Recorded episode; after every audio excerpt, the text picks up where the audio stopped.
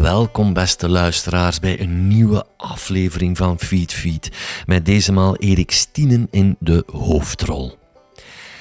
Erik coördineert sinds 2000 het team dat op het Instituut voor Natuur- en Bosonderzoek, ofwel het INBO, onderzoek doet naar zeevogels.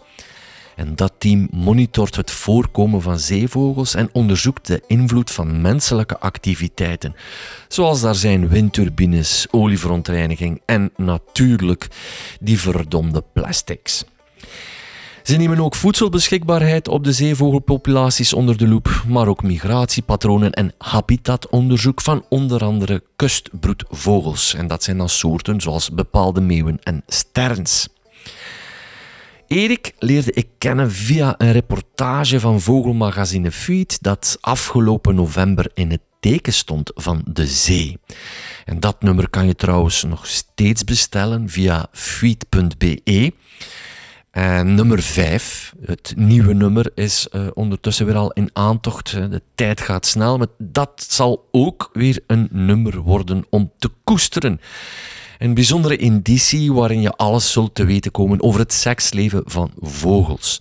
En als je weet dat reproductie toch de drijfveer in het leven van onze flora en fauna is, dan weet je ook dat het een boeiend en niet te missen nummer zal worden. Bestellen dus die handel via feed.be.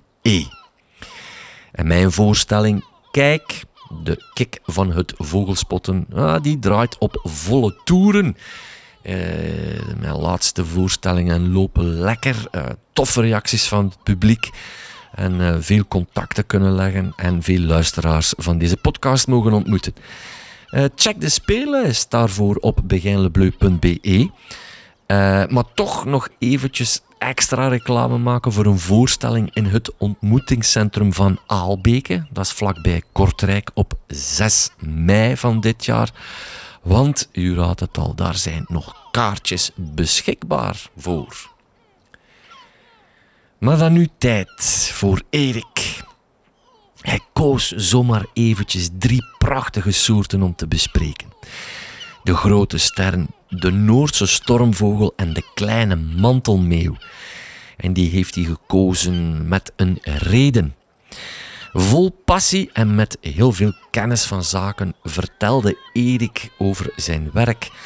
En voor mij werd het een van de meest interessante afleveringen over het reilen en zeilen van die toch wel bijzondere zeevogelsoorten. Tijdens de opnames was er best wel veel wind, maar uh, weet u, je staat aan de kust en dan hoort wind daar toch ook bij, zou ik zeggen. Ik hoor dat allemaal veel liever dan zulke steriele opnames. Uh, u bent dat ondertussen wel gewoon bij Feed de podcast. Voilà. We zijn er klaar voor. Dus ik zou zeggen, geniet, lieve mensen. Geniet van een stukje slow radio.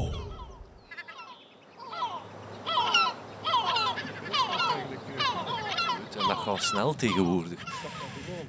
Um, maar jij hebt ook drie soorten gekozen, Erik. Um, ik weet niet of je nu al spijt hebt, want dat is natuurlijk uh, altijd de klote vraag die ik moet stellen aan mensen. Kies er eens drie uit. En je mankeert er dan 124 waar je het ook over zou willen hebben. Maar, maar een reden waarom ik nu de grote stern als eerste vogel kies, is wel heel duidelijk, omdat ik denk dat het ook niet het meest opbeurende verhaal is. Nee, ja, de grote stern is eigenlijk de eerste vogel uh, waar ik door uh, gebeten was. Um, die het virus in mij heeft aangewakkerd. Um, daar heb ik mijn doctoraatstudie op gedaan, destijds in de jaren 90, op een eilandje in de Nederlandse Waddenzee. Um, de grote stern is een hele speciale uh, sternensoort, die, waar er relatief weinig van zijn in Europa. Um, en die enorm gespecialiseerd is. Die eet maar twee soorten vis.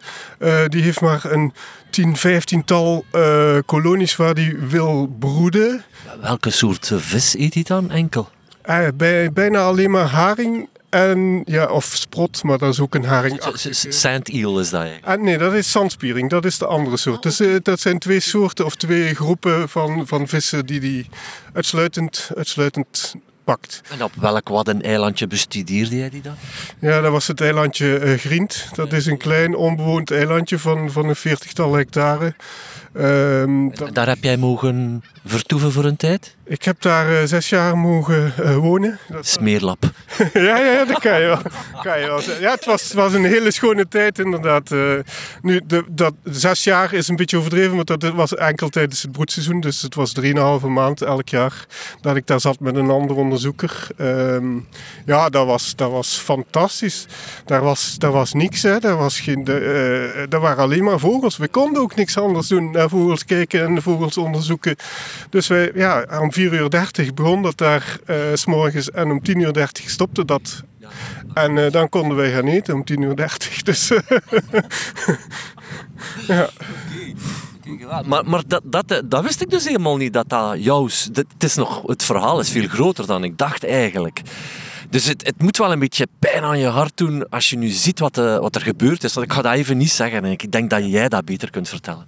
Ja, nu, dus um, in 2000 ben ik dan naar Vlaanderen verhuisd. En een van de redenen was omdat ik ook hier uh, uh, grote sterren kon onderzoeken. Want die grote sterren had ook die haven van Zeebrugge ontdekt. Dus uh, voor mij was dat een opportuniteit. Ik dacht, ja, kan ik mijn onderzoek voortzetten. En ik heb dat ook gedaan. Uh, het ging jarenlang best wel goed met de grote sterren in Vlaanderen. Er zijn, uh, is een speciaal sterren-schiereiland opgespoten, of sterren-eiland noemt dat in de volksmond zelfs, in Zeebrugge, waar die sterretjes dan in alle rust konden broeden. En die grote sterren heeft daar veel gebruik van gemaakt tot ongeveer uh, 2013. Uh, ze waren al een aantal jaar uh, een aantal achteruit aan gaan. En in 2013 hadden we er nog eentje, als ik, het goed, ja, als ik het goed voor heb. Um, en dan was de grote ster verdwenen uit Vlaanderen. Uh, tot dit jaar, nee, dit jaar, ik moet zeggen vorig, vorig jaar, dus vorig broedseizoen 2022. Um, wel, het begon eigenlijk allemaal in, in, in Nederland. Dus die grote sterren hadden zich allemaal gevestigd in Nederland. En uh, dan kwamen de eerste verhalen van, uh, ja, daar vallen hier toch wel veel beesten dood. De, de een na de andere stierf in de kolonie en het was al snel duidelijk dat er vogelgriep heerste. Een hele, hele ernstige variant, een agressieve variant, de H5N1 noemen de onderzoekers dat. Dat is... Um, eigenlijk de ergste vorm van vogelgriep, die, die het snelst om zich heen grijpt, die ook heel veel slachtoffers eist. Maar dat was vroeger een, winter, een wintervirus. Ja, je kent dat, hè? daar vielen eens wat ganzen dood. Er was ook wel in kippenfarms uh, af en toe wat uh, problemen. Altijd in de zomer, en in de winter, excuseer. Um, maar nu was het iets anders. Het was zomer. Die grote sterren waren en broed. Het was zomer. En uh, ze vielen dood. En ze vielen massaal dood. Er waren kolonies waar er meer dan 75% uh, dood opgeraapt zijn. Um, een groot probleem voor die soort, want er zijn er maar 150.000 van in, in Europa. Uh, die hadden al een keer een uh, heel ernstige uh, vergiftiging meegemaakt in de jaren 60. Dus ze, ze waren eigenlijk nog niet hersteld van die klap in de jaren 60. En nu ja, we weten het niet precies hoeveel er dood zijn gegaan, maar zeker de helft van de populatie waarschijnlijk. Maar er gebeurde wel iets, nu, een, een geluk bij een ongeluk, ik weet het niet. Um, vrij laat in het seizoen, als wij het niet meer verwacht hadden, kwamen er plots 800 grote sterren naar Zeebrugge. Um, daar vielen er ook een paar van dood. Maar we hebben die uh, heel snel al die dooien uit de kolonie verwijderd. Elke dag uh, met pakken aan uh, al die dooien uit de kolonie halen. Zodat dat virus zich niet verder kon verspreiden. En al met al hebben die grote sterren het best goed gedaan. Het waren eigenlijk de twee kolonies in Europa. Daar zat er in Nederland op Texel ook nog eentje. Uh, die het goed hebben gedaan, de enige twee. Maar dat wil dus zeggen dat die eigenlijk veel later in het seizoen beginnen broeden zijn ja. dan volgens uh, ecologie van die soort. Ja, zo laat hadden we het nog nooit gehad. We hadden wel eens uh, late uh, vogels, maar er waren altijd jonge beesten die een beetje kwamen oefenen. Die kwamen te laat uit Afrika terug. Um, maar nu waren het adulte beesten die al waarschijnlijk al hadden gebroed. Ergens anders. Die waren hun partner al licht kwijtgeraakt. Je kon dat zien omdat hun, hun kop al aan het ruien was. dus ze hadden al een tijdje ergens gezeten en dan begon er aan een tweede leg. Dat doen die in principe eigenlijk helemaal niet zo snel, zeker zo laat op het seizoen niet. Ehm, maar, maar nu dus uit nood geboren wel. En het grappige was, dus wij waren onze, onze uh, grote sterren al vanaf 2013, dus tien jaar waren, ze, waren we ze kwijt. En wat hebben we gedaan? We zijn uh, ringen gaan aflezen in de kolonie. Um, geen sinecure, want je moest dat ook weer doen met van die pakken aan 30 graden. En in een schuiltentje uh, zat je dan. Um, en we hebben er ook een aantal uh, gevangen achteraf. Uh, en, een paar, en een aantal zijn er dood gegaan met een ring. en wat blijkt nu? Dat waren onze, onze, voor een groot deel onze Belgische vogels. Die waren we tien jaar lang kwijt geweest. Maar ze kenden nog, ze kenden nog hun historische sites blijkbaar. Dus dat is heel dat is zo'n. Ja, dus die grote sterren zijn enorm nomadisch. Die kunnen het ene jaar bij ons broeden en het volgende jaar voor hetzelfde geld in Engeland of in het noorden van Nederland of zelfs in Duitsland. Um, en er zijn maar een paar plekken in Europa waar ze dat kunnen. En een van die plekken is Zeebrugge. Maar je ziet dus hoe, hoe, belangrijk het is om voor zo'n soort die, die broedplaatsen, die, die paar keuzes die ze maar hebben, om die in stand te houden. Ook al komen die vogels er niet, ook al zitten er tien jaar gewoon geen ene grote ster, toch moet je, iets, moet je het in stand houden, moet je iets doen aan de vegetatie, zodat die vogels, uh, als ze dat willen, als ze die keuze willen maken, uh, die kans toch hebben. Ja, ja, ja. Maar dat is moeilijk, uh, dat is moeilijk om, dat, om dat te vertellen aan, aan, aan beheerders, om daar geld voor vrij te krijgen. En, ja. Dat is een vooral dat je moeilijk verkocht krijgt. Maar het, wat ik altijd dacht bij grote sterren, um, dat is een pioniervogel. In die zin dacht ik van, kijk, die zitten soms op die zandbanken, ook in de Waddeneilanden. En dat zijn soms jaren dat dat gewoon overspoeld wordt door water, waardoor dat die legsels verdwijnen, waardoor dat dat toch een hele, hoe moet je dat zeggen, flexibele soort moet zijn. Of uh, ben ik nu verkeerd ingelicht, maar ik dacht dat er jaren waren dat die legsels ook niet zo uh, slaagden. Uh, dat gebeurt, maar het is um, de echte pioniervogels onder de sterren, dat zijn dwergsterntjes. Die broeden uh, in, de, in de eigenlijk bijna ja, op de grens van, van zee en land op het strand. Um, en die hebben heel sterk inderdaad, goh, die, dat overspoelt en die herbeginnen soms drie, vier keer in een seizoen, maar ook op een andere, totaal andere plek. Uh, die grote sterren is een speciaal verhaal, want die, die vormt een, een vriendschap, een associatie met een andere soort, met uh, kokmeeuwen. Uh, grote sterren zijn totaal niet agressief. En die gebruiken eigenlijk kokmeeuwen, want kokmeeuwen zijn wel agressief naar, naar roofvogels of zo, die eens een keer een eitje komen pikken, of landroofdieren die uh, eventueel in die kolonie terechtkomen. Dus die, die grote sterren die gaan midden in een kokmeeuwenkolonie zitten eigenlijk stevast. Dat wist ik helemaal niet. Ja, en die gebruiken die kokmeeuwen als, als, als afweer, zeg maar. Die, die kokmeeuwen moeten... Maar, maar dat is een beetje gelijk geoorde fut. Dat is een totaal andere soort, maar die, die, die, die maakt ook... Dat ook. Die doet dat ook. Alleen bij die, bij die, uh, bij die grote sterren kost dat uh, die grote sterren ook iets. Want die grote sterren die vangen vis.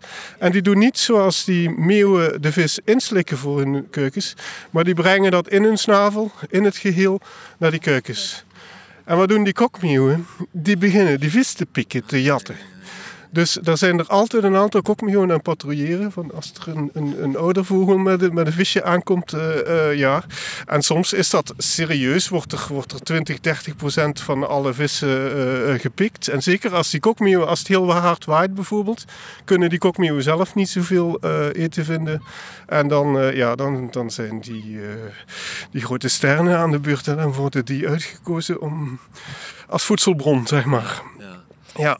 ja. Um ja, je kiest de grote sterren, daar hangt dat prachtig verhaal aan vast. Je persoonlijk verhaal. Wat vind je er eigenlijk zo knap aan, aan die sterren? Dat is dan uh, iets meer op de emo spelen, hè, Erik, wat ik nu doe. Dat moet tegenwoordig altijd, hè. Tuurlijk. Heb je zoiets gezien? Tuurlijk, tuurlijk. In Zwin, in Zwin als ze gedaan hadden met broeden, trokken ze naar het Zwin. Die kuif vind ik, maar ik ga zwijgen. Ja, nu, die, de, dus, dus sterren, uh, alle soorten die er zijn, zijn sowieso bijna de meest elegante uh, zeevogels die wij kennen. Uh, en grote sterren is dan de elegantste bij uitstek. Die, als die zijn aan het balsen, die, die maken dansjes door de kolonie. Die hebben eigenlijk een soort, een soort dans.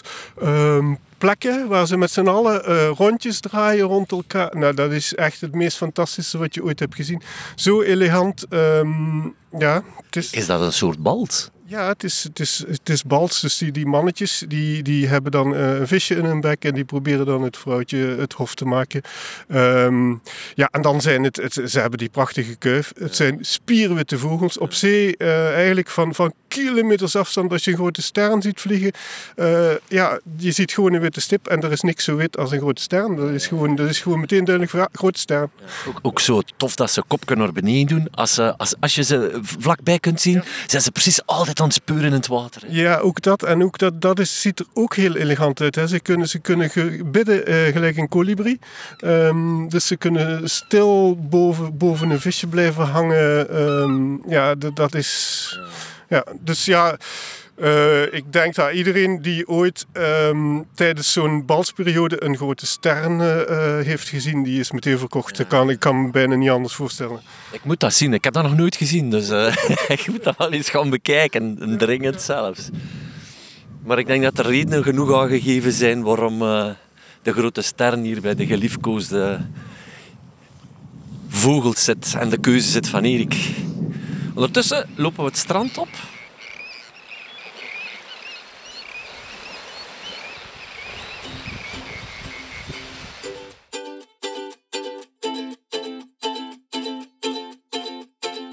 Uh, er zijn dus plekken op zee, net zoals je dat op land hebt, um, die, die meer geschikt zijn voor bepaalde vogelsoorten dan andere plekken. Dus je hebt, op land heb je bossen, je hebt akkervogels, je hebt allerlei soorten vogels. Maar op zee heb je dat eigenlijk ook. Um, dus als je hier vlak aan de kust zie je die meeuwen uh, rondvliegen. Dat kennen wij nog wel als gewone mens. Maar als je met een boot de zee op gaat, dan ga je zien dat je alsmaar andere soorten tegenkomt. Dus je krijgt eerst een zone met die meeuwen. Dan nu in februari krijg je een zone waar er allemaal futen. Futen associeer je ook met landvogels, maar zit daar vol met futen. Um, een roodkeelduikerzoek in die zone. Zwijg, schitterende soort. ja, dat is ook mooi. En dan, dan kom je eigenlijk pas echt, uh, pak, pak, pak 10 kilometer ver. Kuifduiker ook? Dan zijn we al heel, uh, heel blij als we die zien. ja, ja, ja, En dan kom je bij de echte zeevogels. En dan, dat is ook, dat, dat, uh, dat park wat je hier ziet, hè, dat windpark, uh, dat lijkt nu dichtbij, omdat het heel schoon weer is. Het is een heel heldere dag. Maar dat is toch al 10 kilometer de zee in. Um, dus daar komen we echt in het gebied waar ja, een zeevogel, de echte zeevogels, dat, zegt, dat, dat zijn vogels die eigenlijk die haten land. Die willen land niet zien, die willen land niet ruiken, die willen uh, niet aan land komen, behalve één keer per jaar moeten ze. Dan, dan moeten ze broeden, dan moeten ze eitjes leggen. Uh, dan komen ze even aan land, maar graag doen ze dat niet. Dat is een echte zeevogel. En jij hebt een zeevogel gekozen, als ik me niet vergis. Dat is namelijk de Noorse stormvogel. Ja. Ja, Toch? ja, om die, ook om die reden. Uh, dat is een soort die veel mensen niet kennen. Of misschien wel kennen, maar niet zozeer associëren met, met België, met Vlaanderen. Uh, België eigenlijk, want de zee is federaal. Hè? Dat, is, uh, dat, is, dat is nog een ander verhaal. voor die sterntjes is dat ook heel grappig. Dat als ze, als ze broeden op land zijn, het Vlamingen, als ze gaan, hun vis, vis gaan halen op zee zijn, dat moeten ze aan federale wetgeving voldoen. en, dat maakt jouw werk toch moeilijk, of niet? Goh, ja, dat maakt het ook wel interessant. Hè? Dat maakt het breder. Dat maakt, het, dat, maakt dat er federale geldpotjes zijn en, en Vlaamse geldpotjes waar ik eventueel projecten mee kan. Uh, uh, ja, dus, dus ja, dat maakt het boeiend. Dat is ja. Um, maar dus ja, die, die, die, die Noorse stormvogels, ehm, die hadden wij vroeger best wel veel. En vooral in de winter, maar eigenlijk het ganse jaar door. Wat bedoel je nu aan land of in zee? In zee, in zee. Dus je moest echt, je moest echt uh, 10 kilometer uh, de zee op en dan plots begon je die Noorse stormvogels te zien. Nu, als we het over mooie vogels, elegante vogels hebben, uh, Noorse stormvogels, dat is ook zo'n geval. Die, die zeilen over het water, die kunnen op 5 centimeter boven de zee uh, met de golven mee op en neer. Um, dat is ongelooflijk om te zien. Die, die bewegen hun vleugels bijna niet. Die, die, die hoeven eigenlijk niet te vliegen. Die zijn zo, zo gebouwd dat ze op, op die, die, uh, die, die lift. Um, die... Kun je spreken van thermiek aan zee? Goh, het, is, het is niet thermiek. Thermiek gebeurt echt uh, op land. Het, ze noemen dat orografische lift. Um, dat is eigenlijk een soort uh, luchtdruk. Goh, ja, waar, waar, waar, zeilboten ook van uh, gebruik maken. Hè? Als je, Thermiek is warme lucht, hè? dus dat is echt wel land. Ja, voilà, voilà. Ja. Ja, maar die Noorse stormvogel heb ik in het najaar gezien in Bresjes in Zeeland. Ja. Hè? En uh, met Peter, Peter Klaus, een goede vriend van mij. En uh, wij waren aan het kijken naar de kleine alk die daar zo zit. Dus wij waren echt aan het twitchen. Ja. ja. maar op een gegeven moment zagen we plotseling, boem, een Noorse stormvogel. En zowel Peter als ik waren gewoon in de ban. Ook al is die veel minder zeldzaam. We dachten oh, zo schitterend. En wat je onmiddellijk ziet aan die Noorse stormvogel, is inderdaad de bouw van die vleugels. Die een stuk kleiner lijkt ook wel en precies iets meer flapt aan land. Maar dat waarschijnlijk heeft hij die bouw uh, perfect van doen uh, aan zee. Ja. Ja, het is dat, die, die vleugels die zijn, die zijn bijna stijf. Het komt een beetje ah, stijf over. Hè. Het is, uh, ja, en die is inderdaad, die, die zijn ontworpen om, om altijd op zee te zijn. Die, die beesten. En die zijn eigenlijk ook ontworpen om, om, om quasi altijd te vliegen. Die, die... Maar, maar die broeden in kolonie? Ja, die broeden in kolonies, maar dus niet bij ons. Hè. Um, uh, die, die, daarvoor moet je eigenlijk best een beetje noordelijker gaan. Uh, het noorden van Engeland. Uh, ten noorden van Engeland liggen er een aantal eilandjes waar er heel veel broeden. Um, het zijn uh, zelfs vogels die nog noordelijker uh, broeden, helemaal ja, tot, tot in de... Faroe-eilanden? Ja, bijvoorbeeld. Waar ze ook worden opgegeten? Ja, het is een delicatesse daar. Ik kan me bijna niet voor, voorstellen, want die vogels die stinken als een ziekte. Dat is, um, dus wij doen daar ook onderzoek. Dat is een andere reden waarom dat ik die heb gekozen. Die Noorse stoomvogel is voor ons een indicatorsoort voor hoeveel plastic er in de zee zit. Want die, wat doen die Noorse stormvogels? Um, die duiken niet zoals sterntjes in het water, maar die pikken allemaal uh, partikeltjes van het watervlok, wateroppervlak. Uh, dat kan zijn kreeftjes, kleine visjes, um, soms ook um, inktvisjes die aan de oppervlakte drijven. Maar die vergissen zich nogal eens, want die partikeltjes, dat is ook tegenwoordig heel vaak uh, plastic. Stukjes plastic uh, emmertjes uh, die de zee ingespoeld zijn, die helemaal zijn vervallen, allerlei kleine stukjes zijn geworden, uh, aanstekers, heel veel ook plastic vanuit de industrie. Kleine, dus de plastic industrie die vervoert plastic in, in, in soort uh, korreltjes, een, tussenproduct. Dat zijn kleine korreltjes. Um, ook die worden ja, granulaten. En die worden ook heel veel gegeten door die uh, Noorse stoomvogels. dus als je die wij zoeken die dus in de winter. Een aantal vrijwilligers die, die lopen elke maand voor ons het strand af en die verzamelen die Noorse stoomvogels. Die worden in de diepvries gestoken. En één keer per jaar als we er voldoende hebben, uh, snijden we die open en bekijken we de maaginhoud van die vogels.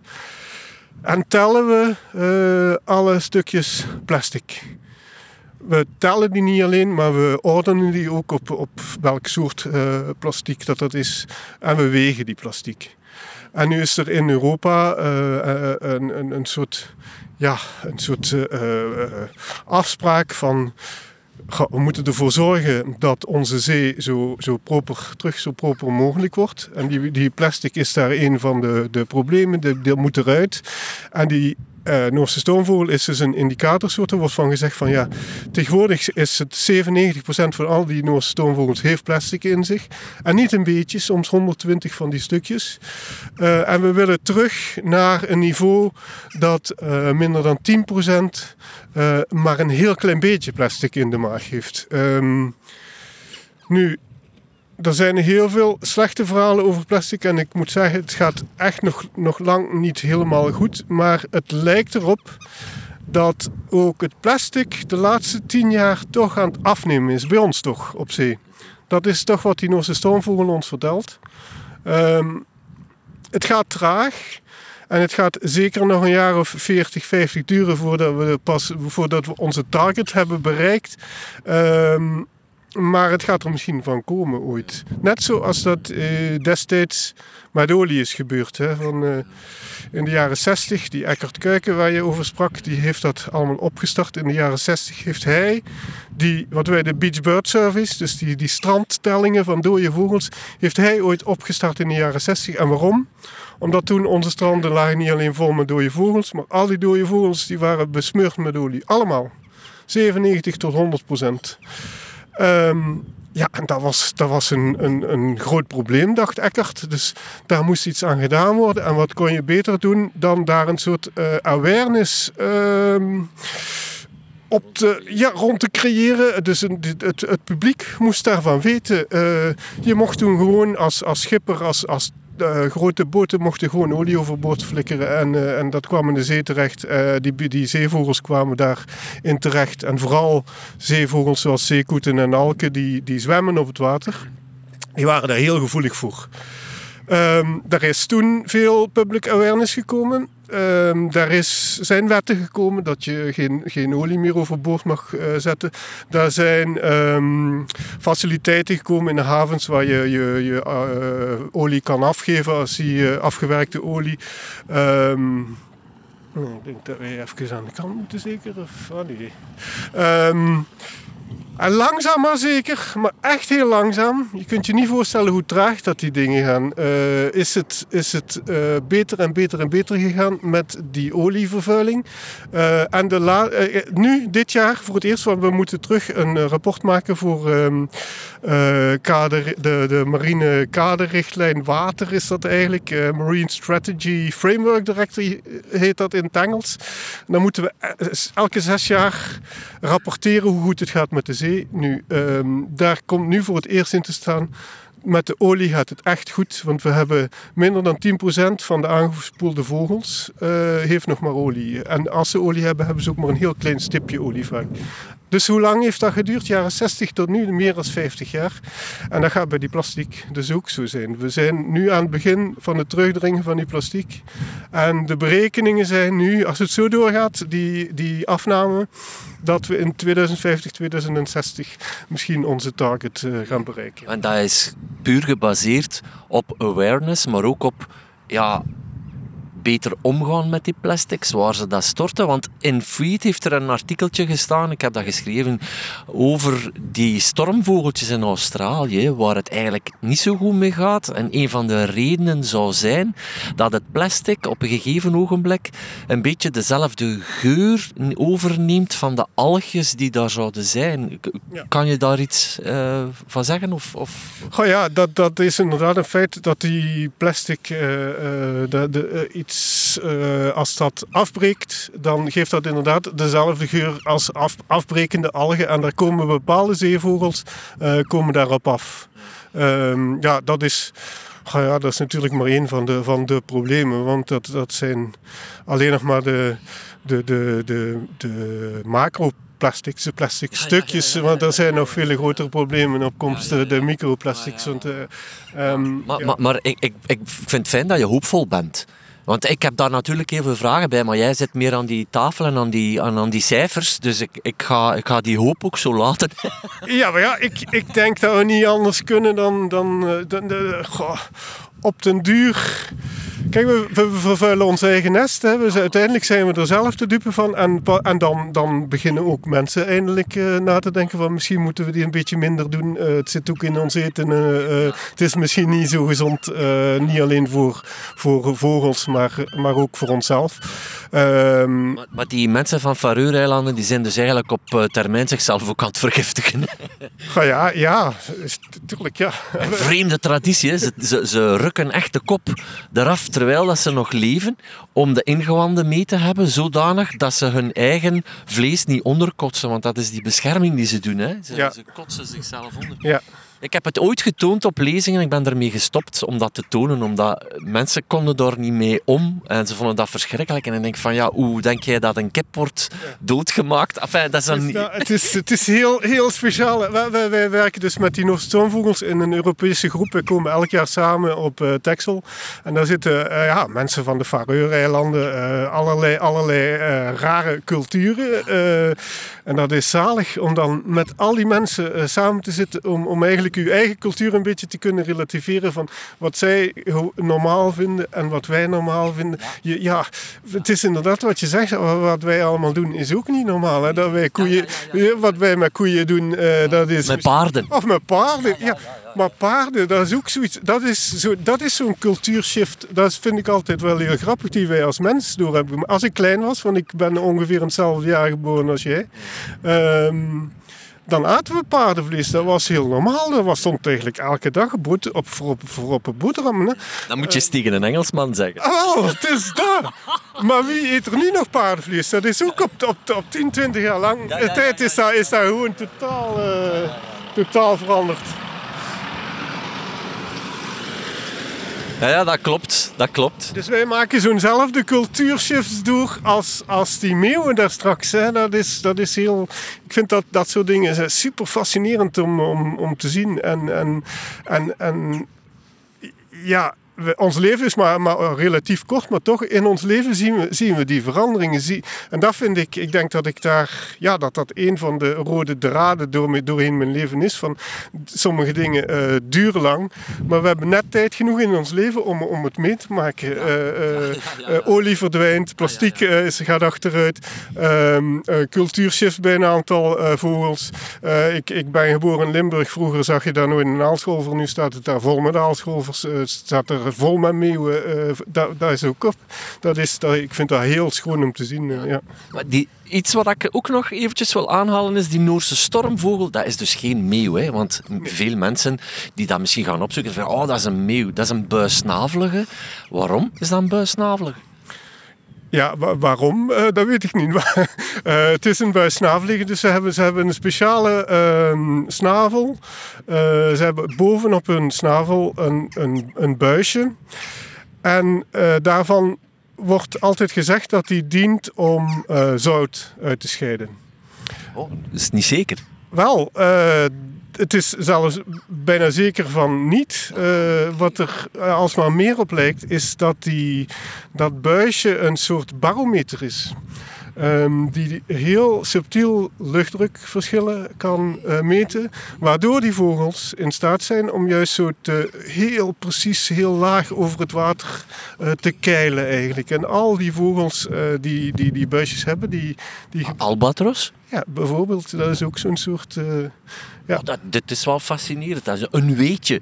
maar hoe komen ze er dan bij dat daar een klier, misschien, eh, zoals ik het percipieer, zou het er een klier zitten waardoor dat overtollig zout. Ja. Is dat dan nooit geconstateerd geweest? Ja, maar die klier is er ook wel. Maar het gekke is dat heel veel andere uh, vogelsoorten, uh, zeevogels, ook die klier hebben en die hebben niet zo'n buisje. Oh, ja. uh, bijvoorbeeld die, die, die sterntjes. Um, als je die van dichtbij observeert, zie je altijd zoutkristalletjes rondom een, een neusgaten. Die hebben gewone neusgaten zoals elke vogel eigenlijk. dus het is uh, zeer waarschijnlijk dat dat buisje uh, van die stoomvogels juist nog een extra functie heeft. Niet alleen het uitstoten van dat zout. machtig, machtig verhaal. Dus, en, hoe gaat daar nu verder onderzoek rond gedaan ergens op de wereld? Of zijn ze daar niet mee bezig? Dat, weet ik ook niet. Ik, ik, ik moet zeggen, uh, ik, ik heb uh, vorig jaar in een, um, gezeten uh, van een, een meisje die alleen maar met plastiek bezig was en Noorse stormvogels. En die had dat in haar introductie geschreven. Van, en ja, dan ben ik daarover gaan lezen. En het is inderdaad, er zijn een aantal artikels waar dat in, heel duidelijk in beschreven staat. Ik heb er nog een vraag over gesteld, maar ze ontweek dat een beetje tijdens. Oké, afblijven. Ik, ik, ik, ik, ik, ga, ik, ik, ik wil er zelf ook meer over weten, want het is echt, het was voor mij ook iets heel, heel nieuws. Ja. ja. ja daar gaat uh, een bende steltlopers. Hier vlak over het water. Drie teentjes, denk ik. Drie strandlopertjes. Prachtig vogeltjes. Um, ja, en ook misschien wel tof, ook zo'n weetje eigenlijk, is dat die, die kuikens van die Noorse stormvogels, die donderen van de kliffen af, zonder te kunnen vliegen. En uh, dat is eigenlijk het moment ook waarop dat die mensen van de Faroe-eilanden, ik ben er weer ze met mijn verhaal, dat die die eigenlijk te pakken kunnen nemen, want die kunnen niet vliegen. Dat zijn eigenlijk stukjes spek in een, in een, in een bassin, zal ik maar zeggen. Ja. En dan uh, plukken ze ze weg. Hè. Uh, ja, ik moest dat vertellen en ik weet ook iets. Uh,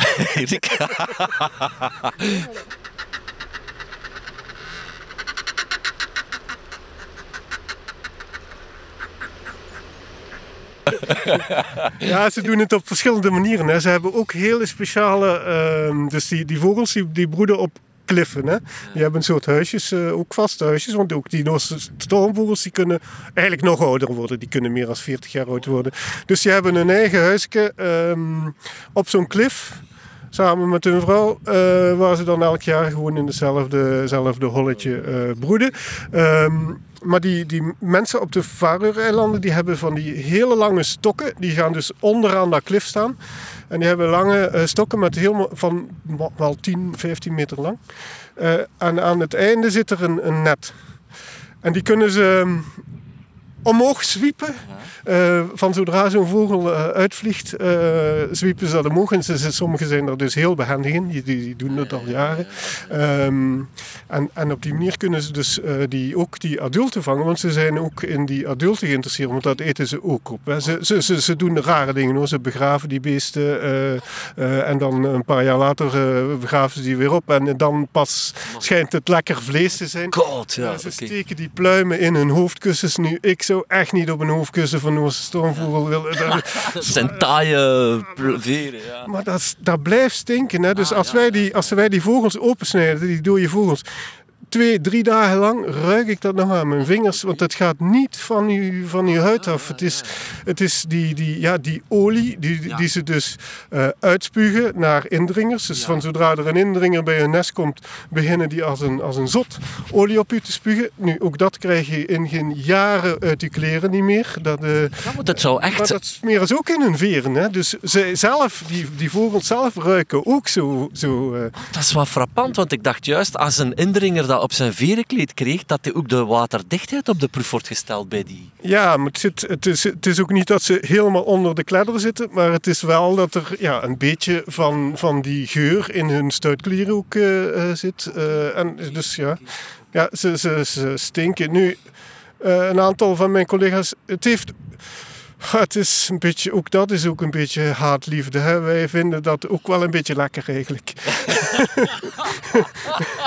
Oké. Geek. We hebben hier een Noorse stormvogelfetischist, dames en heren.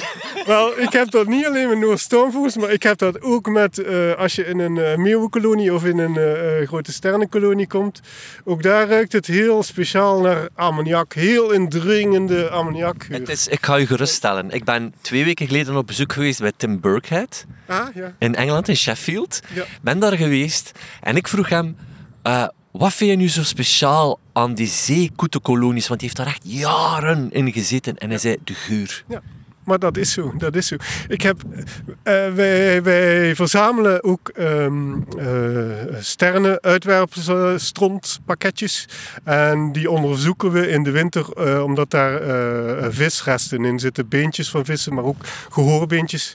en dat zegt dus iets over wat ze gegeten hebben. maar als wij die, die, die pakketjes openen in de winter, je zit dan meteen weer terug in het broedseizoen. En echt, dat is een hele... Een teletijdmachine. Ja dat is ongelooflijk. Ja, dat soort. Dus het is, het is, het is, het is een zalige geur eigenlijk. Eh, ja. Oh, ja. Maar ik begrijp waarom. Er zit een emotionele uh, verband in. Like diesel, uh, diesel kan u terugbrengen naar uw jeugdjaren. Want, want met, uw pap, met uw papa en mama op vakantie. Ja, dat is met, met, mijn pa die werkte in een garage, niet als carrossier. Maar ik, ik kwam daar veel. Maar die geur van die olie en die rubber. En ik, ik ergens zeg zoiets maar ik ben toch een natuurmens. En toch ruik ik die olie. En toen heb ik zoiets van, oh, dat riek ik Ja, zo, zo, zo, zo werkt dat. hè? Ja, ja, ja. ja, ja, ja, trouwens, Burkhardt heeft mij daar ook gezegd dat op de Faroe-eilanden enorm veel Noorse stormvogels zouden zijn. Hij zei, ja, ik vind ook naar cultuurbarbarij toe vind ik het niet goed. Zegt hij, maar er zijn er wel genoeg. dat zei hij, maar bon, dit sluit de, de discussie niet af eigenlijk. Hè. Maar, maar ehm, je hebt eigenlijk een derde soort gekozen en ik, ik wil daar ook mee afsluiten in die zin dat dat volgens mij de soort is waar het ook heel veel over te vertellen valt, omdat die kleine mantelmeeuw vormt een van die grote meeuwen van ons land. De, de volgende is de zilvermeeuw. Die stormmeeuw zit daar ergens tussenin, kan niet echt grote meeuw genoemd worden. Waarom heb je die kleine mantelmeeuw gekozen? Ja, daar, eh, ik heb daar een, een, een, speciale relatie mee. Als ik uh, begon op Grient naar grote sterren te kijken, uh, was dat eigenlijk onze, onze vijand, uh, de kleine mantelmeeuw. Die mochten niet op dat eiland broeden, want die zouden grote sternenkuikens eten. Die verdringen grote sterren, was altijd gezegd. Dus dat eiland Grient was speciaal voor de sterntjes, niet voor de meeuwen. Wel die kokmeeuwen, die kleintjes, want die waren heel belangrijk. Die, had, die grote sterren had dat nodig.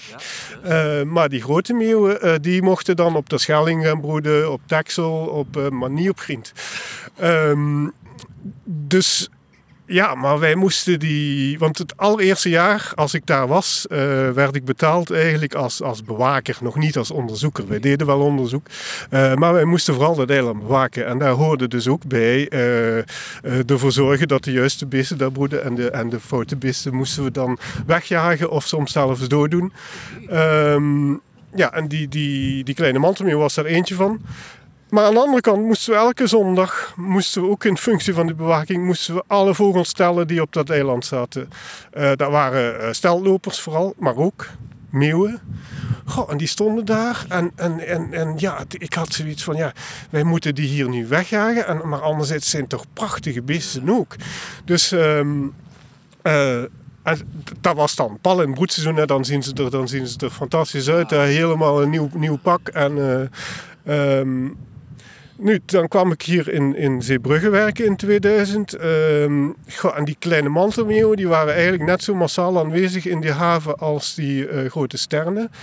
Uh, plus, er was een vrijwilliger die was um, al tiental jaren met uh, kleine mantelmeeuwen bezig en met zilvermeeuwen bezig. Dat was uh, Harry Verkruijs destijds. Dat was een Nederlander.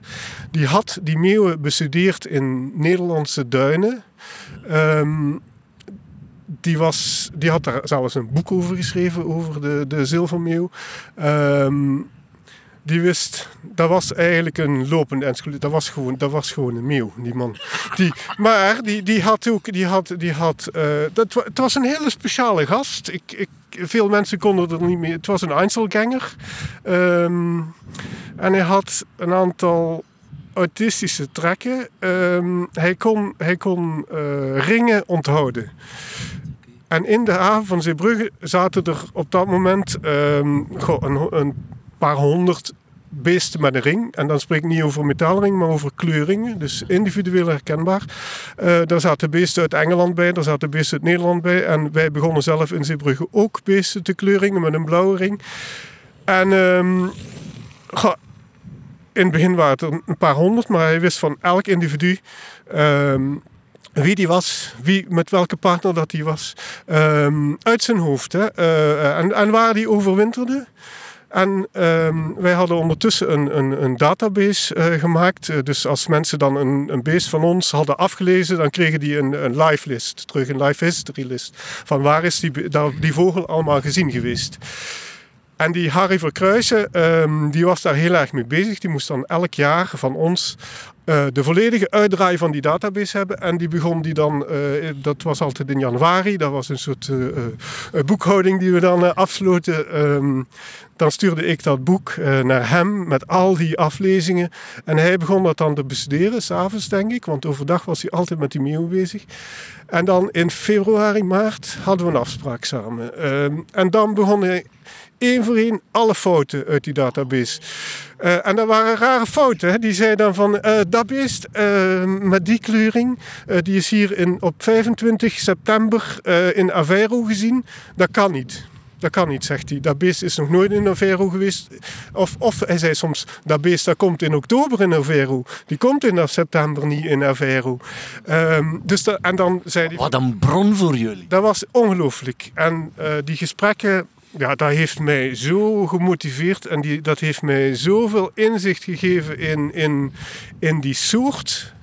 Um, ja, ik ben, daar, ik ben daar enorm door gefascineerd geraakt. En hij was eigenlijk al, toen al wist hij hoe hoe individueel, uh, hoe, hoe routineus elke vogel is. Elke, elke individu had zijn eigen routine en hij wist dat. Hij, hij, hij kon daarin meedenken omdat hij die autistische trekken had. Uh, en, ja, hij wist... de, de, mens is gestorven? Ja, hij is uiteindelijk uh, gestorven, ja, helaas. Ja. Ja. Wauw, wat een verhaal ook weer, zeg. Dus van daaruit is jouw fascinatie rond kleine mantelmeeuw alleen maar beginnen groeien. Ja dat is nog niet altijd een reden waarom je hem gekozen hebt.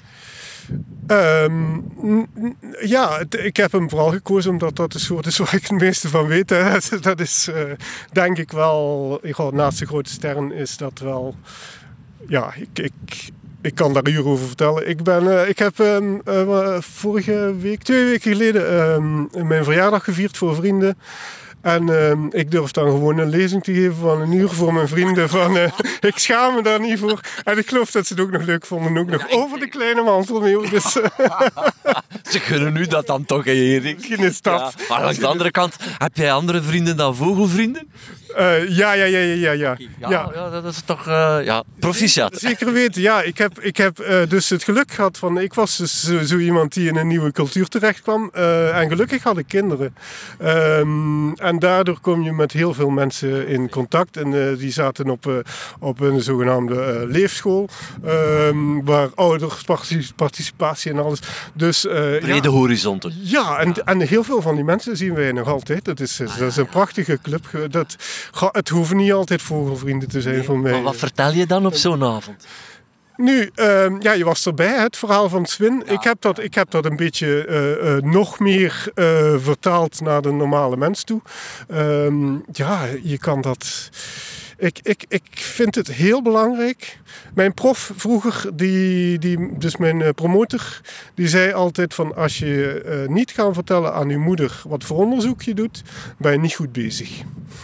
Um, en ik heb dat eigenlijk goed in mijn oren. En ik was er ook eigenlijk al meteen toen al mee eens van... Uh, je, je moet niet altijd de hautaine uh, wetenschapper uithangen, maar je, je moet het kunnen vertalen. En het grappige is, want uh, bijvoorbeeld, ik had daar een figuur een, een, een, uit een, uit een paper, wetenschappelijk paper um, getoond. En dat was een knap ingewikkelde figuur. Uh, maar echt heel ingewikkeld. En uh, om, om die figuur eigenlijk uit te leggen, uh, was je al bijna een kwartier bezig. Maar eigenlijk stond daar niet anders in dat vrouwtjes in september blijven die hangen bij ons om, om een wormenkuurtje te doen. Want die gaan daar wormen eten. En die mannetjes gaan alvast naar Spanje. Ehm, en dat, dat was dat was, dat was het. Maar wetenschappers kunnen dat op een, op een andere manier vertellen. En iets, iets ingewikkelder soms. Ik, ik, eh. denk vooral dat ze ik denk dat ook heel veel wetenschappers een ego hebben en, en, en dat ze graag daar een aanhangwagen uh, achter hun gat spannen waar dat enorm veel lading op ligt om te bewijzen dat ze toch heel veel vracht trekken. Maar bon, je moet daar geen antwoord op geven. Maar dat is mijn ervaring in de 7, 8 jaar dat ik nu in dat milieu vertoef. maar um, uh, uh, mijn vraag, kleine mantelmeeuw. Misschien is het een vloek, maar kan je die vergelijken met zilvermeeuw? Nee. Ja, goh, dat is een moeilijke vraag eigenlijk. Uh, het is, ze, ze, enerzijds, ze hebben iets met elkaar. Hè. Ze broeden samen in uh, gemengde kolonies. Um, vaak is het zo dat, dat zilvermeeuwen de kolonie stichten. Dan komen er een paar uh, kleine mantelmeeuwen bij. Die kleine mantelmeeuwen zijn iets agressiever en ook iets... Um, ze winnen ook meestal in, een gevecht met een kleine mantelmeeuw. Um, en op den duur zie je dat in het midden van zo'n kolonie uh, kleine mantelmeeuwen zitten. En aan de randen zitten die zilvermeeuwen. Die zijn helemaal weggeduwd naar de randen van die kolonie. Um, maar ja, ze, toch vinden ze het op een of andere manier plezant om bij elkaar te zitten. En, en, en ja, ook hier aan de kust. Hè, er zijn nog amper kleine mantelmeeuwen. Ik zie er op het moment geen vliegen. Maar ze komen bijna uh, toe. De eerste zitten ook al in de kolonie. Um, ze zitten hier ook samen op het strand dan. Uh, ze hebben ook heel veel dezelfde uh, voedingsgewoontes. Dus ze eten allebei uh, vis, ook veel visserijafval. Ze, ze, eten allebei in het binnenland, in de weilanden zie je ze fourageren. Um, op de stranden, ze zitten graag, eten ze frietjes van de mensen alle twee. Um, er is één verschil, en dat is dan heel grappig, van die zilvermeeuw uh, nou, er zijn meerdere verschillen. Eigenlijk twee belangrijke verschillen. Zilvermeeuwen uh, eten uh, schelpdieren, mosselen. Ehm, en dat doen kleine mantelmeeuwen never nooit. Dat lusten die gewoon niet. Dus, um, en daarmee is die die, die zilvermeeuw is ook iets meer kustgebonden. Dus die zit zeker bij ons uh, op zee. Goh, de eerste vijf kilometer zie, zie je zo uh, zilvermeeuw. Maar dan houdt het een beetje op met de zilvermeeuw. En dan komen pas de kleine mantelmeeuw. Ja, aan de, vlak bij de kust zie je ze ook. Maar de, daar zie je eigenlijk bijna alleen maar kleine mantelmeeuwen. Uh, grote mantelmeeuw, dat is een andere van die grote meeuw die wel op zee voorkomt. Maar die broedt niet bij ons. Die, die, die, komt ook op zee voor in België? Ja, zeker. Ja. Dus dat zijn, dat zijn meer... Maar dat, dat wilde ik ook vragen, dat verschil kleine grote of that. Ja, ja dat, ze, ze, zien er bijna hetzelfde uit, hè, zwarte mantel. Um, maar, maar, toch, maar, moet... toch joekels, hè? Het zijn, het zijn joekels, ja. Nou, ja de, die poten zijn het duidelijkst. Hè. Uh, gele poten heb je met een kleine mantelmeeuw te maken en, en roze poten met een grote mantelmeeuw. Maar ja, het is inderdaad, het zijn reuzen, hè, die, die grote mantelmeeuw. Het is echt wel een ja, je, je, het is niet, je kan er niet naast kijken. Gewoon. Ik was in Denemarken ja. en je ziet daar dan zo'n Het is echt een knaap, die grote mantelmeeuw. Maar dan toch zo gelijkend qua uiterlijk op elkaar, qua kleed. Ja. Maar dan ergens moeten ze toch eenzelfde stam hebben. Ja, die meeuwen staan allemaal heel dicht bij elkaar. En dat is een beetje... Uh, je ziet het ook, er zijn heel veel uh, hybridisaties. Dus ze, ze, ze doen het met elkaar soms. Uh, en daar komen jongen uit voort. En ook die jongen zijn weer, die zijn weer levensvatbaar. Er komen weer nieuwe jongen. dus er is een hele grote mix aan de gang. Um, in, in, in Amerika is er al een tijd aan de gang tussen al die grote meeuwsoorten die daar zijn. Bij ons is dat ook meer en meer het geval. Um, want er is binnen Europa, uh, die meeuwen zijn allemaal een beetje aan het bougeren. Allemaal nieuwe horizonten aan het verkennen. Uh, daar komen allemaal nieuwe soorten bij ons. geelpootmeeuwen, pontische meeuwen, die wij eigenlijk ja, twintig jaar geleden bijna nooit zagen, maar die komen Do, hier. Door de reden die jij daar juist aangaf, namelijk de mens die zich daar eh, tussen zet? Of? Ja, voor een deel is het dat. Vaak is het is ook niet altijd te verklaren hoor, wat, er, wat er precies gebeurt. Het kan ook zo. Ja, je kent dat verhaal van de lepelaar misschien. Um, ja. De lepelaar die altijd op Terschelling broedde. Uh, daar was dat 75% van de Europese populatie. Plots gebeurt er iets in die kolonie. Die, die beesten beginnen zich te verspreiden. Nu zit de lepelaar overal en ze doen het beter dan ooit. Um, dus daar hoeft soms maar iets zich voor te doen. Ze, ze, ze, en ze ontdekken iets nieuws en dan pas uh, slaat het aan bij die beesten. Nu, dat zie je bij die, bij die meeuwen ook heel, heel sterk. Dus uh, ze broeden nu allemaal op de daken, zoals ik al zei. Niet allemaal, maar veel toch. Uh, in het stad, uh, op daken van, ook op daken van uh, gebouwen, van, van bedrijven, ehm, winkelcentra. Um, dat doen ze pas Goh, in Engeland al iets langer, maar hier bij ons pas een twintigtal jaar. Um, maar die daken zijn er altijd geweest. Waarom deden ze dat vroeger niet? Dus dat, dat, dat, dat, dat, is, toch, dat, is, dat is toch heel raar. Het zijn, ja, een van de redenen daar is denk ik wel dat ze het zijn gaan doen omdat er nieuwe predatoren. Die vos kwam in het systeem, zoals ik al zei. Dat was er vroeger niet. Dus die daken zijn een beetje, een beetje eilandjes hè, waar, die vos, waar die vos niet bij kan. Dus dat is wel een reden. Maar dan nog, waarom deden ze het vroeger dan niet? Ook al zaten er geen vossen, ze gingen gewoon niet op die daken broeden. Dat, ja. Ik zou al bijna kunnen besluiten dat meeuwen een soort van cultuurvolgers zijn. Ja, dat, dat, dat zijn het zeker. Dat zijn, die zijn heel goed uh, aangepast aan ja. de mens. Zeker, zeker weten. Net zoals een buizerd cultuurvolger, zoals, zo in ja. die mate relatief. Hè? Ja. ja. Nee, heel, heel sterk. Uh, nu, dat is ook wel iets wat, hun, wat op den duur uh, problemen kan geven. Hè? Want wat ja, er gebeuren allemaal dingen in die cultuur. De, de visserijtechnieken zijn aan het veranderen. Er wordt minder vis overboord gezet. In de, in de weilanden is alsmaar minder uh, te halen, omdat daar veel, uh, in de zomer veel droogte is. Dus die wormen die ze daar uh, uit, de, uit de weilanden halen, kunnen ze moeilijker bereiken. Die wormen zitten ook niet meer zo aan de oppervlakte tijdens die... die... Die zitten dieper omdat daar vochtiger is. Ja, ja. Um, dus daar verandert van alles. Um, dus het is ook wel heel gevaarlijk om, om, om een, een, opportunistische soort zoals de mens te volgen. Want voordat je het weet zit je in een, in een ecologische val. Hè. Dat, dat kan zomaar. Nu, bij die meeuwen meeuw denk ik niet dat dat zo rap gebeurt. Juist omdat er zoveel Uh, zo breed scala is aan gewoontes. Elk individu uh, uh, doet iets anders, maar daardoor is er altijd wel een individu die in een nieuwe niche, in een nieuwe situatie in kan springen, waardoor evolutie ook versneld kan plaatsvinden. Dat, dat is iets wat wij biologen ook eigenlijk ja, pas twintig jaar lang uh, weten. Dat, dat, wij dachten, ja, je hebt, je hebt uh, specialistische soorten, die grote stern bijvoorbeeld, heel specialistisch. Die is heel gevoelig aan veranderingen, want als er daar iets gebeurt met die haring, ja, die heeft geen alternatief. Uh, en je hebt opportunistische soorten, waarin elk individu heel opportunistisch is, alles kan.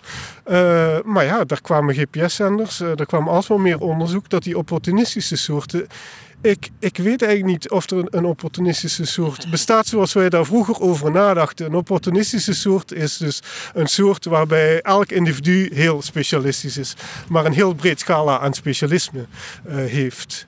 Um, en dat, dat geeft een, een nieuw ja, een, een nieuwe uh, model voor evolutie eigenlijk, ja, uh, wat ja. wij nog nooit hadden bedacht. Ja, maar ik ga het gesprek hier afronden, Erik. Tenzij dat je nog een belangrijke boodschap aan de wereld hebt buiten stop de oorlog in Oekraïne, want dat willen we allemaal. maar is er iets nog... Want wat, wat, wat, ik zo fijn vind aan jouw verhaal is dat ik ben ooit eens op bezoek geweest op de boot bij Gert Verhulst en uh, noemt hij James Cook. Ja. Want het verhaal ging meeuwen zijn de ratten van de zee. Ja. En uh, mijn verhaal was, een meeuw is als een, aan zee is als een café zonder bier. Dat was de one-liner die ik daar dan kon poneren. Um, uh, uh, maar het was meer een tweegevecht. Het was meer van wel eens niet om het interessant gehalte wat gaande te houden. Maar kan je daar iets over duiden? Nou ja, ik denk dat, dat die twee uh, mensen uh, waar je nu over spreekt, dat twee typen soorten, dat dat altijd zal, zal blijven. Je hebt, je hebt nu eenmaal mensen die meeuwen blijven haten en mensen die uh, liefhebber zijn van meeuwen. Maar het is wel zo dat we er hoe dan ook mee moeten leven. Uh, die, die, die meeuwen, daar raken we niet meer vanaf. De meeuwen in de stad, daar raken we niet meer vanaf. Dus we, we zullen er iets mee, mee moeten.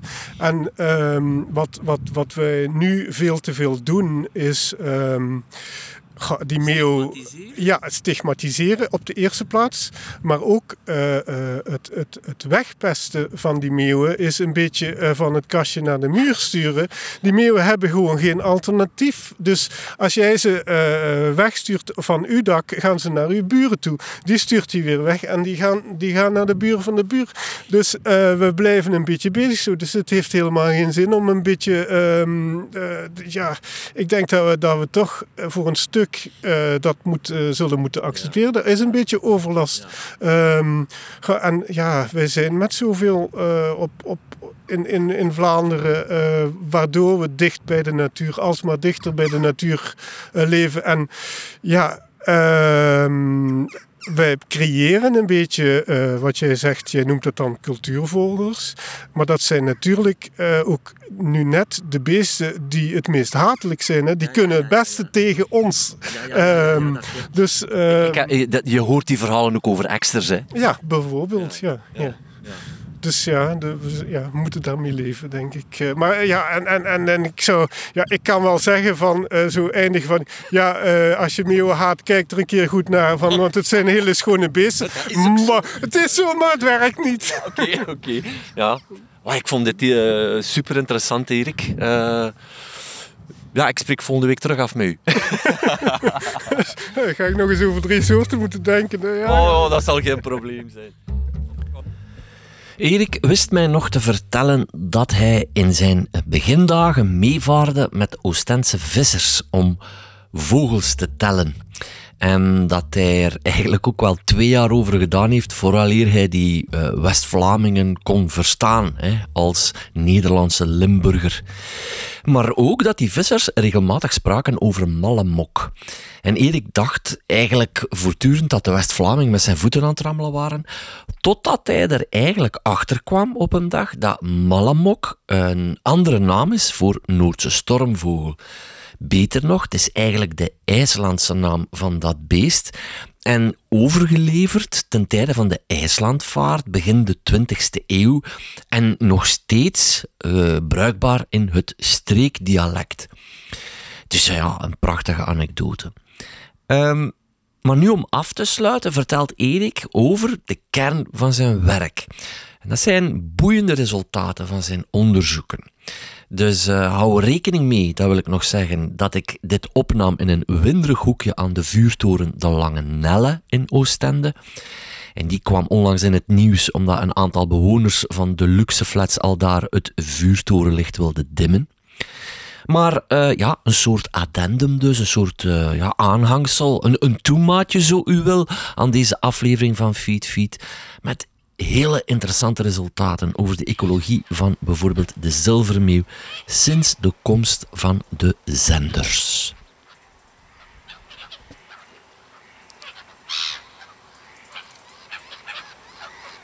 We staan nu in Oostende, Lange Nelle, dat is de vuurtoren. Uh, jij zegt Oostende en Zeebrugge. Ik neem aan dan dat dat uw onderzoeksgebied is. Ja, zeker. Dat zijn de, eigenlijk de twee sites waar dat er in Vlaanderen grote kolonies van uh, kleine mantelmeeuwen en zilvermeeuwen broeden. Uh, en daarmee dat ik ook uh, heel veel hier in deze côté ben, vooral in het broedseizoen. Dan, en dat begint nu te komen.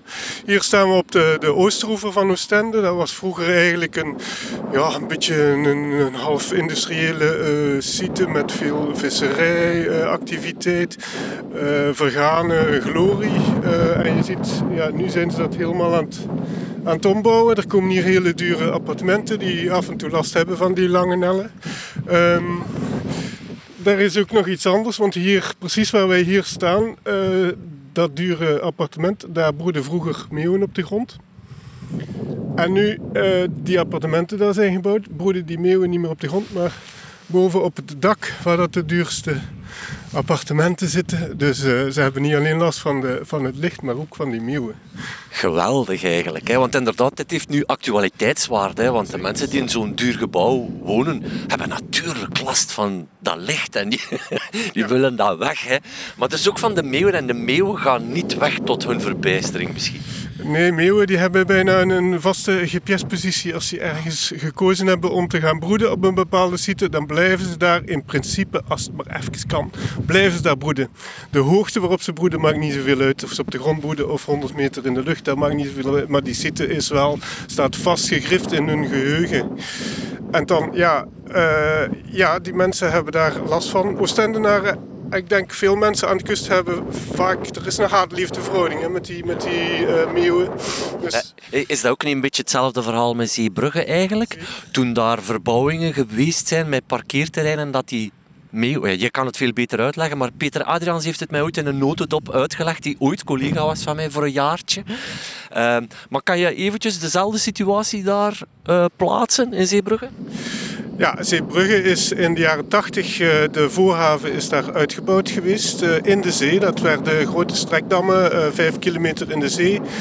Daar werden opspuitingen gedaan en daar kwamen hele grote terreinen die eigenlijk nauwelijks door de mens gebruikt werden, die decennia lang quasi ongebruikt daar lagen.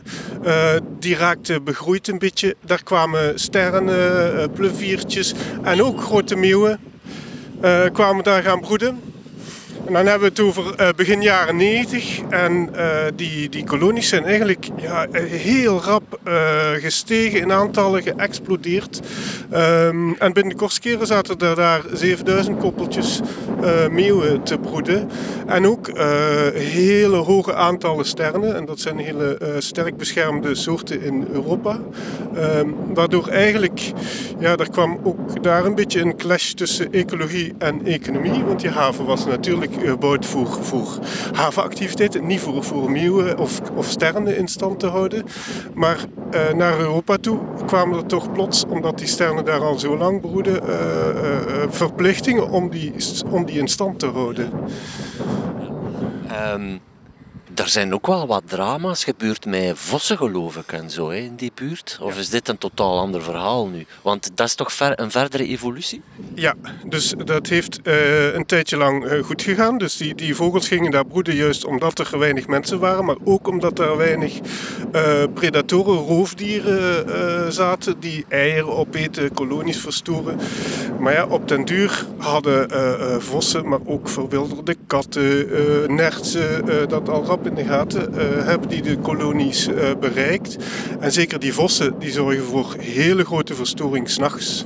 Wat kolonievogels, want die meeuwen broeden in, in, in hoge dichtheden bij elkaar, liefst met hun vriendjes bij elkaar.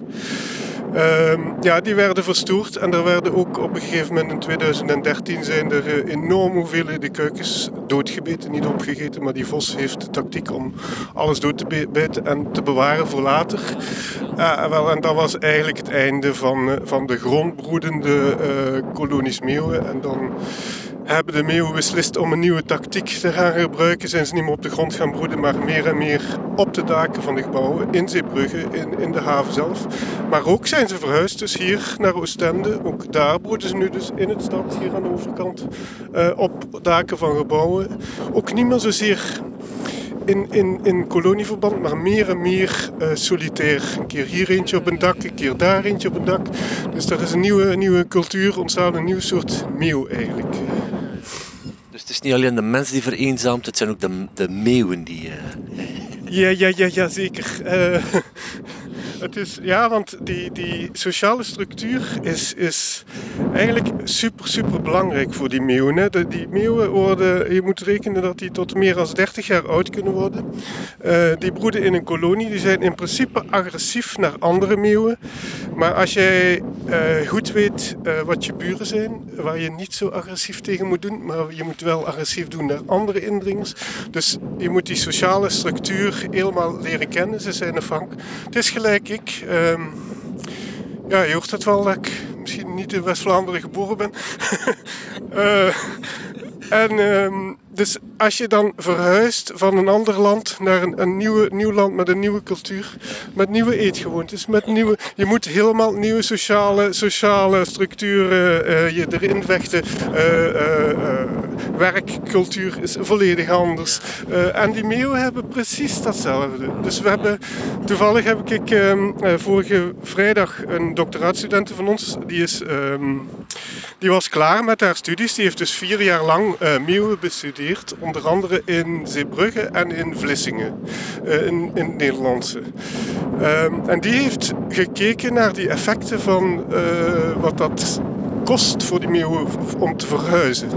Dus we hadden in, in Zeebrugge een heel aantal meeuwen uh, met een, een speciale kleuring uitgerust. Die kregen dan een blauwe ring aan de poot met een unieke code. Dus dat werden ja, zeg maar individuen, die hadden een, een, een nummer of een, of een naam. Geef je die ook een persoonlijke naam? Ja, vaak, vaak wel. Als we ze echt goed kennen, wel als we ze al jarenlang kennen. En um, die meeuwen waren, sommige van die meeuwen die waren verhuisd op een gegeven moment van Zeebrugge dat door, door onder andere die Vos uh, havenactiviteiten, ze hadden daar niet meer veel plek, naar de haven van Vlissingen. Daar was nog wel plek. Maar wat gebeurde er? Dus we hebben die meeuwen kunnen, kunnen volgen, uh, niet alleen met die blauwe kleuringen, maar we hebben ook een GPS-zender opgeplakt. Of eigenlijk een soort rugzakje met een zendertje. Um, en wat gebeurde er? Die meeuwen waren plots hun ganse sociale structuur, structuur waren ze kwijt die wisten niet meer waar ze hun eten moesten gaan halen. Uh, en wat deden die van ellende? Die gingen nog altijd hun eten gaan halen waar ze vroeger in Zeebrugge hun eten gaan halen. Maar nu was dat plots 30 kilometer of hoe ver is dat? Zeebrugge, Vlissingen, ik weet niet, maar toch een aantal kilometer verder. Dus uh, dat eerste jaar hadden die echt grote problemen met voldoende voedsel voor de keukens. en je ziet dan dat die beesten dus even vasthouden aan hun oude, oude eetgewoontes. Ehm, maar ook daardoor legden ze kleinere eieren, groeiden die keukentjes minder. Dus ik wil maar zeggen, verhuizen kan heel kostelijk zijn. En, en ja, die doctoraatstudenten van ons heeft dat dus allemaal, allemaal onderzocht, onderzocht. En meer en meer komen we er dus achter dat die sociale structuur bij die langlevende soorten, koloniebroeders, zo ontzettend belangrijk is. Eh, dus ze, ze moeten eigenlijk ja, zij moeten in de loop van hun leven beslissingen nemen. Uh, en als ze dat eenmaal hebben beslist van ik ga hier broeden, uh-huh. dat is mijn partner, uh, daar ga ik eten, om dat uur ga ik eten, uh, dan blijven ze bij die beslissing. 30 jaar lang in principe. Wat een conservatieve beesten. Ja, dat kan je eigenlijk zeggen. En toch, het, het gekke is, we gaan ze zeggen altijd van die meeuw, en dat is ook als soort, is die meeuw, is die meeuw opportunistisch. Het zijn, het, ze, ze, kunnen alles aan. Hè. Ze, je ziet ze op zee, je ziet ze in het binnenland. Uh, dus uh, de, de individuen op zich, elke meeuw heeft, heeft een eigen ja, conservatieve gewoonte. Maar dat is, omdat er zoveel verschillende uh, individuen op een rijtje staan, zeg maar, is er altijd wel een paar zijn er, als er iets verandert in, met het klimaat of, of, of met het eten, uh, zijn er altijd wel een paar die in die nieuwe opportuniteit kunnen springen. En daardoor kan die soort als geheel wel heel rap veranderen. Dus die soort is niet conservatief, maar elk individu uh, is misschien wel conservatief. Ja, ik, hetgeen wat mij het meeste opviel tijdens uw uiteenzetting in het Zwin, want je hebt een uiteenzetting gegeven in het Zwin in het najaar, was tot mijn grote verrassing inderdaad ook juist niet dat die conservatief zijn, maar dat die zich dat dat echt individuen zijn, dat dat echt bijna een eigen karakter heeft, zo'n vogel. Of ga ik nu te ver? Nee, nee, nee, nee zeker. Het zijn, het zijn elk, elk individu is, um, ja, daarom geven ze ook namen, is, is zichzelf. Het zijn, en dat hadden we eigenlijk niet verwacht als wij twintig jaar geleden begonnen met het uh, die soort uh, te onderzoeken met GPS-zenders, met uh, ringen. Um, hadden wij gedacht van ja, die soort is opportunistisch. Dus elk, elk, elk individu aan zich is ook opportunistisch. Die kunnen alles aan. Als er een keer geen eten in de stad is, gaan ze een keer de zee op. Maar al heel snel, uh, vooral met die GPS-zenders in 2013, bleek dat helemaal niet het geval te zijn. Je, je had uh, beesten die enkel de zee op gingen. Je had beesten die enkel in de weilanden fourageerden. Je had beesten die enkel naar Oostende in de stad gingen fourageren. Je had, uh, en, en dan kregen die ook namen. Onze, onze chess bijvoorbeeld. Ehm, daar hadden we al heel snel in de gaten. Als hij, toen die keukens had, um, dat stonk daar ontzettend in de buurt van, uh, van dat nest. Echt, het was niet de harde die, die lucht. En uh, wat blijkt, Chess die, die, die kotste dus elke keer voor zijn keukens, want dat doen meeuwen. Ze, ze, ze, uh, als ze eten nemen ze voedsel mee in de krop. En als ze dan bij hun keukens komen, dan, dan kotsen ze dat op voor hun keukens. Uh, en Chess die ging ehm, elke keer naar Nieuwpoort om daar, om daar kattenvoer te halen. Dus die wist van om dat uur wordt er in die, bij die boerderij in Nieuwpoort uh, voer buiten gezet. Moet ik daar zijn. En dat kan ik dan lekker aan mijn keukens geven. Maar dat stinkt dus echt ontzettend, kattenvoer. dat, ja, het is blijkbaar wel wat veel kattenvoer. Ja, allicht. Ik weet niet, die boer heeft daar misschien rekening mee gehouden met de chess. Ik weet het niet. maar ik dacht dat dat een tendens was. Ik dacht dat er een tendens was dat, eh, vooral, dat, je ziet dat bij zilvermeeuwen, een kleine mantelmeeuw tegenwoordig ook, dat die de laatste jaren meer en meer binnenland intrekken. Terwijl ik had vroeger, en mijn vroeger, ik ben geboren in 71, dus ik, ik, um, ik zag niet zo heel veel kleine mantelmeeuwen in het binnenland. Is die constatatie nu fout van mij? Of klopt dat? Nee, dat klopt. We zien ze, ze meer en meer in het binnenland. Dus, dus die, die meeuwen waren vroeger, en dan spreek ik eigenlijk de tweede helft van de vorige eeuw, waren dat echte kustvogels. En we noemen ze ook zeemeeuwen. Hè? Dat is, uh, uh, ja, in de, de, de, de zeemeeuw, zilvermeeuw en kleine mantelmeeuw, daar heb je het aan over. Ja, dat zijn ja, de grote meeuwen, de zeemeeuwen. Uh, dat zijn eigenlijk de, de, ja, de soorten die wij associëren met, met de zee. Als je een film opzet over de zee, dan hoor je een van die twee soorten op de achtergrond, ja, ja, ja. per definitie. Um, en, dan, uh, en ze hadden daar ook in die periode heel veel eten. Uh, er werd heel veel door de visserij, heel veel uh, vis overboord gezet die te klein was, die niet lekker was, die niet commercieel genoeg was. En dat werd gewoon allemaal overboord geflikkerd. En die meeuwen hebben daar heel veel baat bij gehad. Um, die zijn dus, die populatie van, van die twee soorten is uh, vanaf de jaren 50, 60 echt sterk gestegen in, in, in gans Europa eigenlijk. Um, maar bij ons hadden we op dat moment eigenlijk wat er ontbrak bij ons. Ze hadden dus wel eten, maar ze hadden nergens plek om te broeden. Op dat moment. Dus die meeuwen die, die, die zaten hier aan de kust, die zaten op het strand te rusten. Uh, maar die broedgebieden hebben wij uh, nooit gehad. Pas als er dus die haven van Zeebruggen is gekomen, dan zijn er voor het eerst... Ja, daar waren plots, plots supergebieden uh, voor meeuwen, broedgebieden. Uh, die, dat voedsel was er al, dus die combinatie, als dat er is, voedsel, broedgelegenheid, ja, dan, dan gaan die daar ook, ook uh, gaan broeden. Um, en ze deden dat op hun, hun historische manier op de grond in grote kolonies vlakbij hun voedsel. Dus dat was vooral, vooral marien voedsel, vooral zee, zee eten. Um, maar ja, als die dan uh, alsmaar minder plek kregen aan, aan de zee, niet alleen in de haven van Zeebrugge was dat het geval, maar ook in Nederlandse duinen, waar dat de vos uh, in de duinen kwam. Uh, in Engeland precies hetzelfde, verstoring van de kolonies die daar vroeger heel rustig konden broeden. En plots kwam die vos in het systeem, die heel vroeger eigenlijk niet bij de zee, bij de zee hoorde. De vos was een bos, bosbeest die ving konijnen. Als ik vroeger uh, in het binnenland, ja, daar zaten vossen in het bos. We moesten daarvoor oppassen, want die hadden, die hadden rabies. Uh, dat was zo'n zo verhaal ja, dat was... Um, die zijn toen bijna uitgestorven door die rabies uh, en ook door, door bestrijding. Maar op een gegeven moment is het terug goed gegaan met die vos. Dan spreek ik over eind jaren 90. Begin... Die, die rabies, hoe noemen ze dat nu al in de volksmond? Uh, het is wel uh, tof voor de luisteraars. Uh, ja. Hondsdolheid. Hondsdolheid, ja. ja, ja. Onlangs nog foto's, uh, beelden gezien van beveren met hondsdolheid die echt als een wilde tekeer ging naar een kajak. Dus uh, rabies dat ervoor gezorgd heeft dat die populatie wat uh, minderde. Ja, sorry. Ja, zeker, zeker. Dat was ja, de, een aantal zoogdieren heeft dat toegeslagen. En bij de vos was het, ja, ik denk dat het daar echt wel heel hard, uh, heel veel impact heeft gehad uh, op dat moment. Ja. Uh, wat was ik aan het vertellen? Um, de, de, de, duinen waar de vos... Ja, ja, dus die vos is eigenlijk ook net als die meeuwen, heeft die vos een, een cultuurshift doorgemaakt. We hebben een nieuw soort vos. Die vos zit nu uh, niet meer alleen in het bos. Ze zit nog altijd in het bos. Maar ook in de stad. Bij mij in Gent, waar ik woon, zit er gewoon een vos uh, in het park, stadspark bij mij achter. Uh, die vos die zit in de polders. Die vos die zit ook aan de zee. Die zit in de duinen. Die vindt hier ook heel veel... Ehm, dus als, als je hier op het strand loopt... Vroeger vonden we heel veel uh, dode vogels, zeevogels, die aanspoelen met het getij. dus die sterven op zee. Die spoelen aan, die komen naar land. Uh, en die uh, deden wij met het uh, Instituut voor Natuur- en Bosonderzoek deden wij onderzoek naar die, die dode vogels die aanspoelden. Die werden geteld en er werd gekeken of die olie op, op hun veren hadden.